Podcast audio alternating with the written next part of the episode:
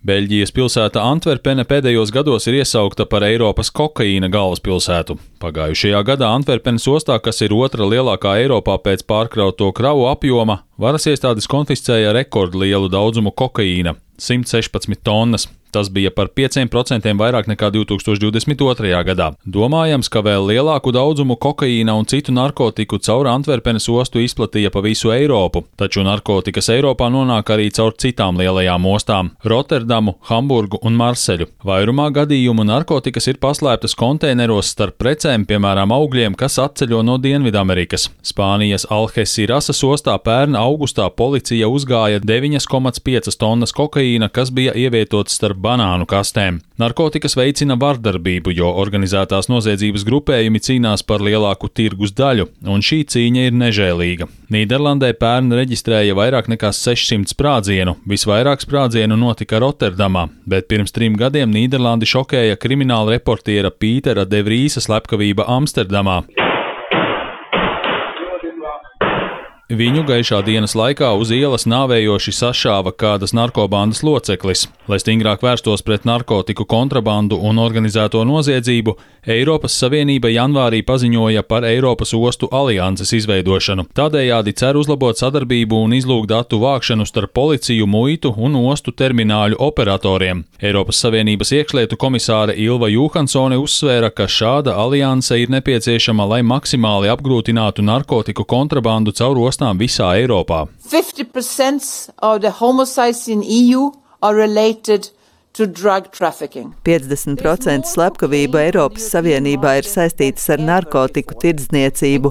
Eiropas tirgu ir vairāk kokaīna nekā jebkad agrāk, un noziedznieki vardarbības veikšanai vervē arvien jaunākus bērnus. Tāpēc mēs rīkojamies, jo mums ir jāaizsargā mūsu demokrātija. Nesen Ekvadorā mēs redzējām, kā noziedznieku bandas tieši uzbrūk demokrātiskām iestādēm. Nedomājiet, tā ir Dienvidamerika, šeit tas nevar notikt. Tas jau notiek šeit.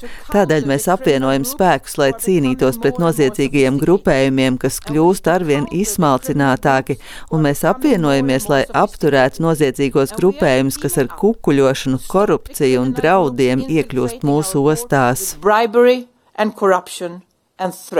Noziedzīgie grupējumi sekmīgi izmanto ostu iekšējās drošības nepilnības, lai caur tām veiktu narkotiku kontrabandu. Tāpēc ostu alianses galvenais mērķis ir stiprināt Eiropas loģistikas centru noturību pret organizētās noziedzības radītajiem draudiem, uzlabojot riska novērtēšanu un mērķtiecīgu kontroli. Vairāk nekā puse Eiropā konfiscētā kokaīna nāk no Latīņamerikas. Pērn Eiropas Savienībā ar 14 Latīņamerikas valstīm vienojās pastiprināt sadarbību cīņai pret narkotiku kontrabandu un organizēto noziedzību. Kostarika ir viena no pirmajām reģiona valstīm, kas ir lūgusi Eiropas Savienības palīdzību narkobandu apkarošanā. Pēdējo desmit gadu laikā nelielajā valstī slepkavību skaits ir pieaudzis par 66%, bet vairāk nekā 70% slepkavību ir saistīti ar narkotiku kontrabandu. Eiropas Savienības vēstnieks Kostarikā Pjērs Luī Lemperērs ir pārliecināts, ka sadarbība ar Kostariku palīdzēs samazināt kokaīna eksportu uz Eiropu. To, to of, uh,